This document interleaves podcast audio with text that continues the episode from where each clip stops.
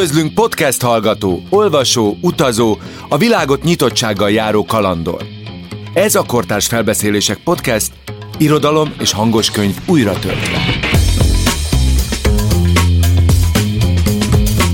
Tilla Tilla vagyok, ebben a sorozatban 18 magyar író 27 novelláját mutatom be nektek a Volvo és a Radnóti Színház jóvoltából együttműködve a Magvető kiadóval. A felbeszélők a Radnóti Színház színészei és vendégművészei. Azért indítottuk el ezt a műsort, hogy a biztonságos és fenntartható vezetési élményt inspiráló irodalmi élményekkel tegyük teljessé. Hiszünk abban, hogy a sokszínű és magával ragadó kortárs magyar novellák szórakoztatnak, elgondolkodtatnak és segítenek jobban megérteni a világot.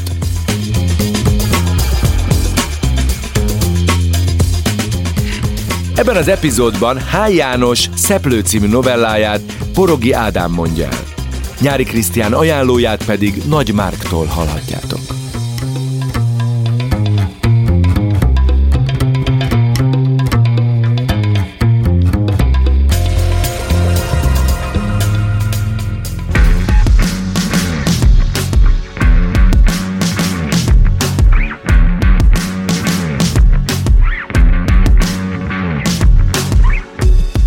Irodalom szövegek rejtett hálózataként is felfogható, ahol művek idéznek meg és értelmeznek tovább más műveket.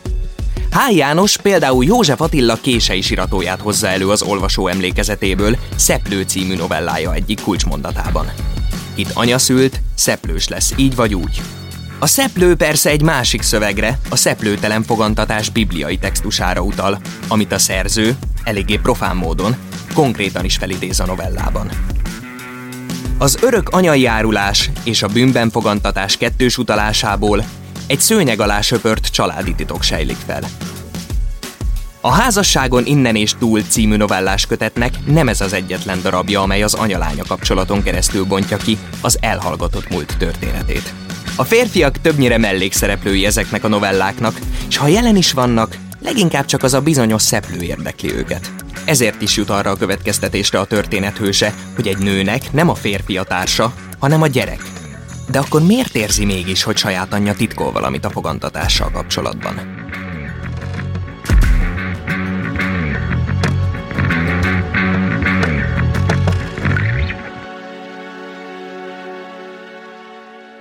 H. János, szeplő. Az nem lehet mondta a lány, mikor a barátnője a fogamzás problematikáját érintette a nagy szünetben. Lehet, hogy a te szüleid igen, mert azok úgy is néznek ki, de az enyémek nem. Akkor te hogyan lettél? kérdezte a barátnő. A lány hallgatott, nem akart azzal előállni, hogy vannak, akik nem ilyen módon. Egyet mindenki ismer, és hát lehet, hogy csak kettő van. Szerencsére becsöngettek, megúszta a magyarázkodást. A barátnőnek csak arra jutott ideje, hogy a tíz órai maradékát a szájába tömje és még akkor is fuldokolt, amikor a matek tanár bejött, és lendületből adott egy pofont a hetesnek, mert elfelejtette letörülni a táblát. A lány később maga látta meg a szeplőt, ami ellen annyira tiltakozott, a szülein. Véletlen volt. Máskor ilyen időben már aludni szokott, de most eszébe jutott, hogy mondták az iskolában az osztályfényképezést, és ünneplőben kell menni. Elfelejtett szólni az anyjának, hogy vasalja ki a fehér blúzát. Már most is késő, nem még reggel, akkor látta meg. A kislámpa égett, igaz egy ruha rá volt hajítva. Akkor látta meg a szeplőt a szülein, főleg az apján, mert úgy gondolta, hogy az anyja nem olyan, csak az apja brutalitása juttatta ebbe a helyzetbe. Később, mikor a kékfényben látott a féle kegyetlen apákat, akik kiírtják a családjukat, akkor a saját apját is el tudta képzelni, hogy ott makog a riporter előtt, a szemét letakarják egy fekete kockával, de mindenki tudja, hogy ez a kegyetlen alak az ő apja. Ő is tudja. Helyesebben tudná, ha nem épp ő és a mamája lenne az áldozat. Az iskolában is sokat beszéltek erről a szeplőtelenségről, hittanóra után, amikor a kispityú valahogy ösztönösen benyögte, hogy a Mária félrekefélt. A pap, aki az órát tartotta, nem volt képzett pedagógus.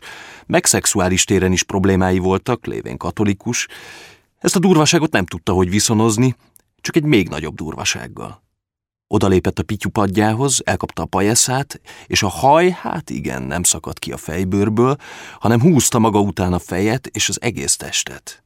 Kiesett a padsorok közé, és onnét már nem a pajeszánál fogva, hanem a fekete cipőjével, amilyet a katolikus papok általában viselnek, rúgdosta ki a gyereket a teremből. A gyerek minden rugásnál közelebb csúszott az ajtóhoz. A kispityú ettől a perctől kezdve biztos volt benne, hogy rájött a svindlire. És egy életen át mesélte a kocsmában az igazságot, hogy jól át lett nyomva a Szent Péter feje, és ennek legfőbb bizonyítéka a pap viselkedése. Később a szeplő a lányra is rákerült. Ő is olyan lett, mint mindenki. Kit anya szült, szeplős lesz így vagy úgy. Sőt, a szeplő egészen fontos szerepet játszott az életében. Igaz, jól neveltségből mindig húzakodott a fiúknál, hogy őt tulajdonképpen ne a testéért szeresse senki, hanem a lelkiért.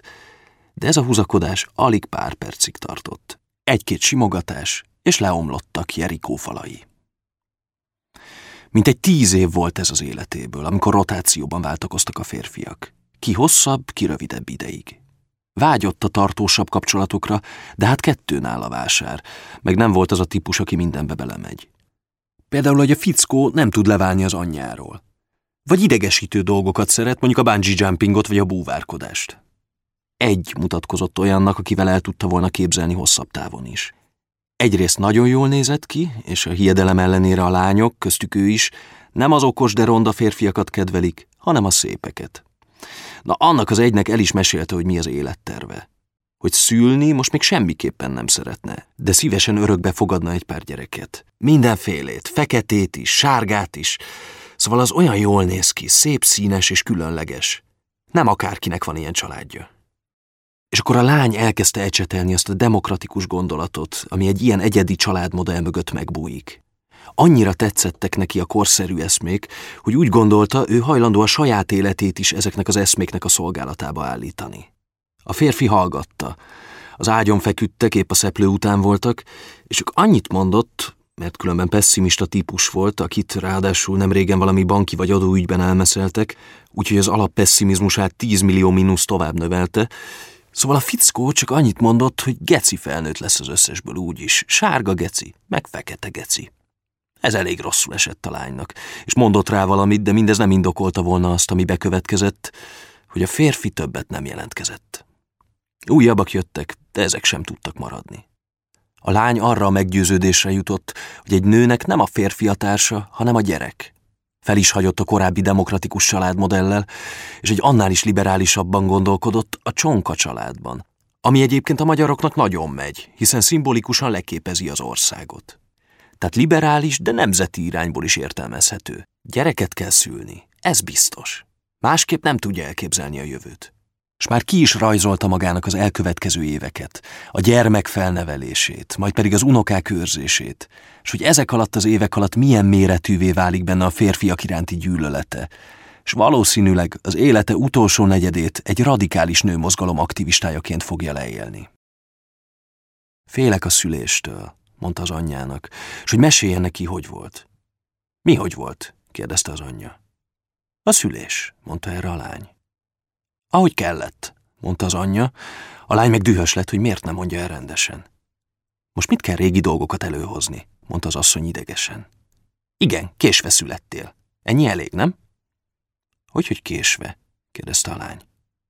Hogy egy hónapot késtél, mondta az asszony. Mindenki december közepére vár, de legkésőbb karácsonyra. Egy kis karácsonyi ajándék lettél volna Jézuskától, de te az Istennek sem akartál megszületni. Már teljesen kivoltak az idegeim, hogy miért nem, és az apád is nyúzott, hogy miért nem születsz már. Megbeszéltük, mikor volt az alkalom, máskor nem is lehetett, mert behívták három hónapra. Tartalékos tiszt volt, de te nem akartál megszületni. Végül az orvos indította meg a szülést. De hát csak 2,90 voltam, mondta csodálkozva a lány, hogy egyáltalán nem mutatkozott a súlyában a túlhordottság. Ráadásul, vágott vissza az anya. Most hogy van ez a dolog? Hát hogy lehet egy hónapot késni? Ezt nem értem.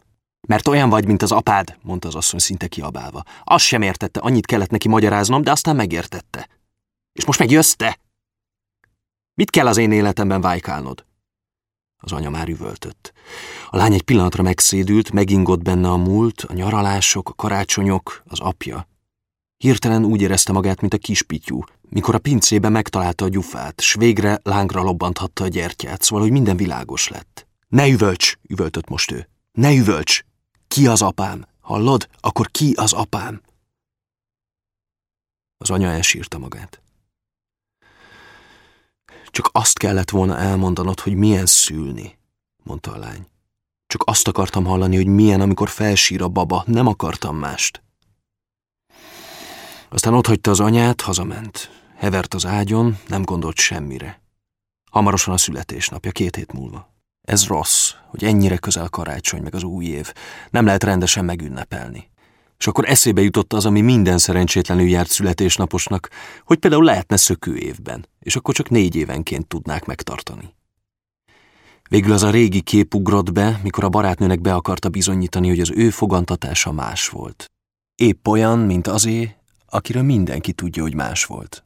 Csak az a különbség, gondolta most az ágyon heverve, és az a férfi jutott eszébe, aki akkor érkezett, mikor a másik, a hivatalos épp tartalékos tisztként valahol vidéken, hogy nekem nem kellett húsvétig várnom, hogy elhagyjon az apám.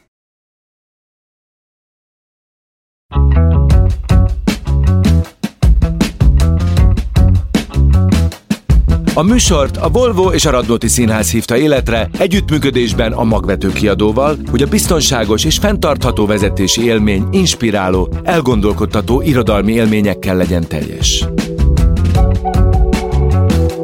A műsor megtalálható a Spotify-on, az Apple és a Google Podcast-en, és mindenféle más lejátszókban is. Ha tetszett ez az epizód, hallgassd meg a teljes műsort. Ha szeretnéd, hogy minél többen megismerjék a kortárs magyar novellákat, akkor értékelj minket öt csillaggal, mert így kerülünk előrébb a toplistákon. Köszönjük! A műveket a magvető kiadó bocsátotta rendelkezésünkre, a válogatást Bátori Orsolya és Schaffler Sarolta készítette. A novellák hangfelvételét Bátori Orsolya rendezte. Hangmérnökök Gábor Dániel, Jacsó Bence és Tóth Péter Ákos.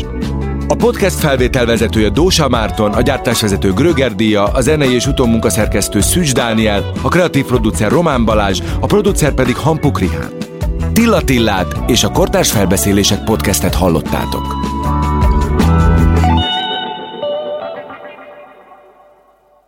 Beaton Studio